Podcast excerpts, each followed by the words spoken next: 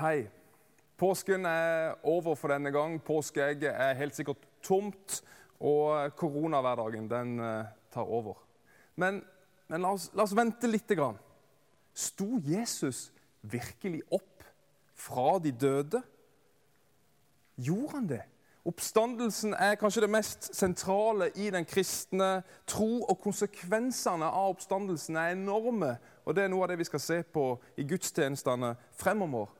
Men først er det virkelig sant at Jesus sto opp? Kanskje tenker du at det fins ingen rasjonelle grunner til å tro at han sto opp fra de døde, og derfor har du latt det bare ligge. Du gidder ikke forholde deg til det. Eller kanskje tror du det, men du tenker at nei, jeg kan ikke forsvare det på noen måte. Men da skal du høre etter, for det fins mange gode grunner til å tro at Jesus faktisk sto opp. Um, og La oss kanskje se på det som er de, de mest sentrale motargumentene mot oppstandelsen. For det første ja, Det der er jo bare en legende. Det har du hørt fra mange. Ja, det der gidder jeg ikke tro på. Det er bare en legende. Ja, Legender det fins eh, i alle kulturer, og vi har det opp gjennom hele historien. Og Noen av legendene de har faktisk likhetstrekk til historien om Jesus. Ja, for så er ikke Jesus den eneste som skal ha blitt født av en jomfru. Legender sier at Platon, ja, Alexander den store, ja, til og med Buddha ble født av en jomfru. Og Andre skal eh, visstnok også ha stått opp ifra de døde. Eh, det sier legenden om eh, Apollonius, som levde omtrent samtidig som Jesus. Så hvorfor skal vi tro den historien om Jesus, at det ikke er en legende? Men hvis vi ser litt nærmere på detaljene her, så kan vi faktisk se at legender og evangeliene faktisk har veldig lite til felles. For det første legenden om Apollonius, som er skrevet ned 150-200 år etter hans liv. Der fremstår han da som oppstått, men i en drøm eller i en visjon. Men er det noe oppstandelse? I eh, evangeliene så henger, så henger, Jesus rundt med disiplene etter sin oppstandelse i 40 dager. Han viser seg for over 500 forskjellige mennesker. Han spiser til og med frokost med disiplene. De får kjenne på arrene hans og sårene hans. Eh, det er ikke godt det, det samme som en visjon eller en drøm om en levende mann. For det andre eh, De andre jomfrufødslene vi hører snakk om i andre legender, de kommer alle etter Jesu tid. Og Legender har denne tendensen til å bygge på hverandre. Ja, det er litt sånn, Om din gud har det, ja, da skal i hvert fall min gud også ha det. Og min helt skal ikke være noe dårligere enn din helt. Og the story goes on. For det tredje Legender det oppstår over lang tid. Historien fortelles ja, fra person til person, og det går over mange generasjoner ofte. Ja, hundrevis av år. F.eks. legenden om Buddha kom 500 år etter at han levde. Og Det samme er det med Alexander den store, det samme er det med Platon. Men med evangeliene om Jesus så skjer alt mye fortere. Ja, Den første til å skrive om Jesus er jo apostelen Paulus. Han skriver bare 20 år etter at Jesus var her. Ja, Verset som Maria leste for oss fra 1. Korinterbrev kapittel 15, det var mest sannsynlig en del av den, en av de første kristne trosbekjennelsene. Som, og denne eksisterte eh, før Paulus også kom inn i bildet. Altså enda tidligere enn 20 år etter at Jesus var her. Og Paulus skriver mens det fortsatt er øyevitner til Jesus og hans liv og hans oppstandelse. Ja, Deler av Jesu familie lever fortsatt, og alle kjenner historien. Så her var det sannelig ikke lett å vrenge på verken historiske fakta eller alt det som er blitt sagt. Men altså, legender skrives ned lenge etter at hendelsen har skjedd så kan vi jo tenke da at ja, På den tida så var alle så utrolig overtroiske, og de kjøpte alt av sånn mytisk karakter. Det var lett for de å tro. Ja, noen kulturer er mer eh, si, disponible for dette enn andre. Men den jødiske kulturen var langt fra dette. Jødene de var monoteister. de var ultraortodokse. De var veldig tradisjonelle, og de var veldig sterkt imot legendefortellinger. De holdt strengt fast på sin tora, på sin lære. Mens det var jo hedningene, de som ikke trodde på, på, på Bibelens Gud, som var de overtroiske, som hadde alle, lagde alle legendene om alle gudene sine, som romerne f.eks. Og Det florerte jo av dette på den tida. Men det kom ikke fra jødene. Men hva kom fra jødene? Jo, evangeliet. For det fjerde legender. Det har som regel sitt utgangspunkt i at de skal bekrefte et kulturelt eller et sosialt behov. Når folk trenger en helt, ja, da skal de virkelig få en helt. Men det interessante med evangeliet om Jesus er at det treffer ingen av de kulturelle forventningene, som en legende ofte gjør. Legender skal bekrefte tradisjonens tro, ikke konfrontere den.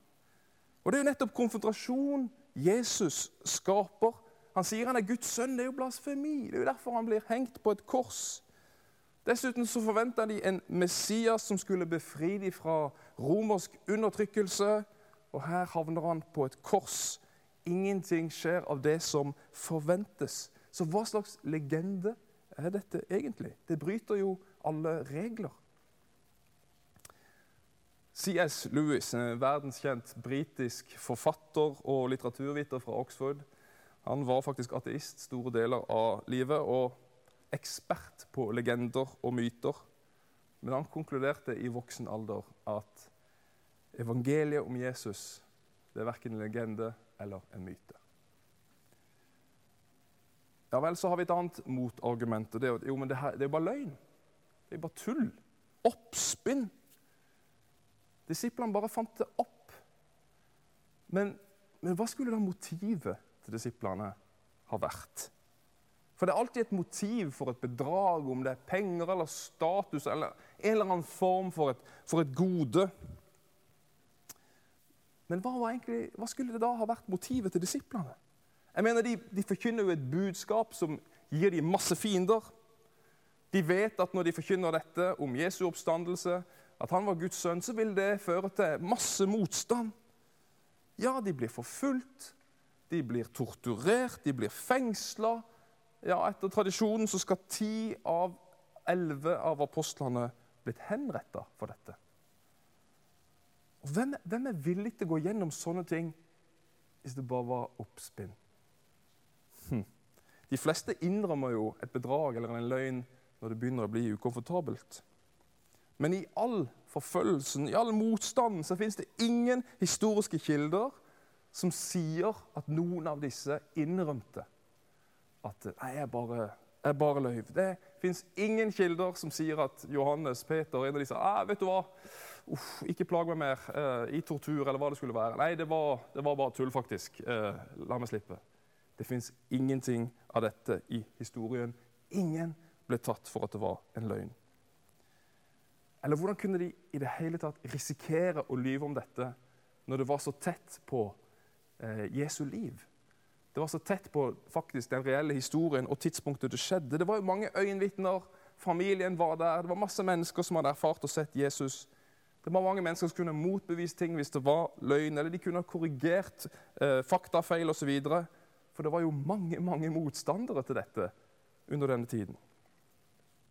Og hadde det bare vært en løgn, hvordan kan vi da forklare f.eks. For fariseeren Saulus, som forfølger de kristne hardt, og som legger sin ære i å ta de og drive dem til, til fengsel og drepe dem osv., at han plutselig kommer til tro. Ja, Det forsterker i hvert fall sannheten om at, at det må være noe sant i dette.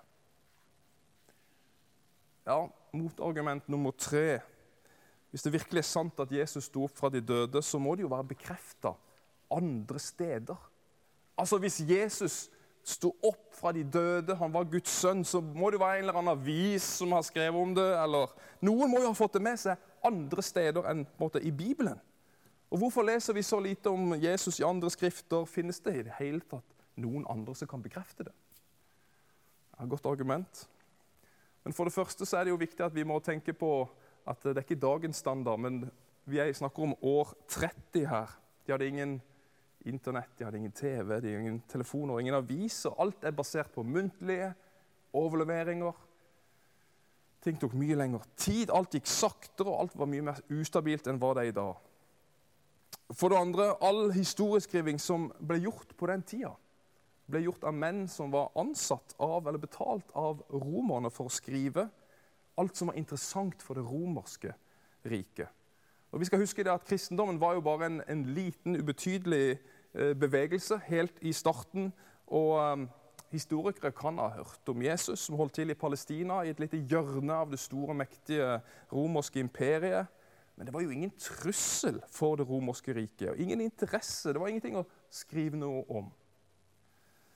Eller visste du det at over 95% av de historiske kildene, av det som er skrevet i historien opp igjennom, er gått tapt?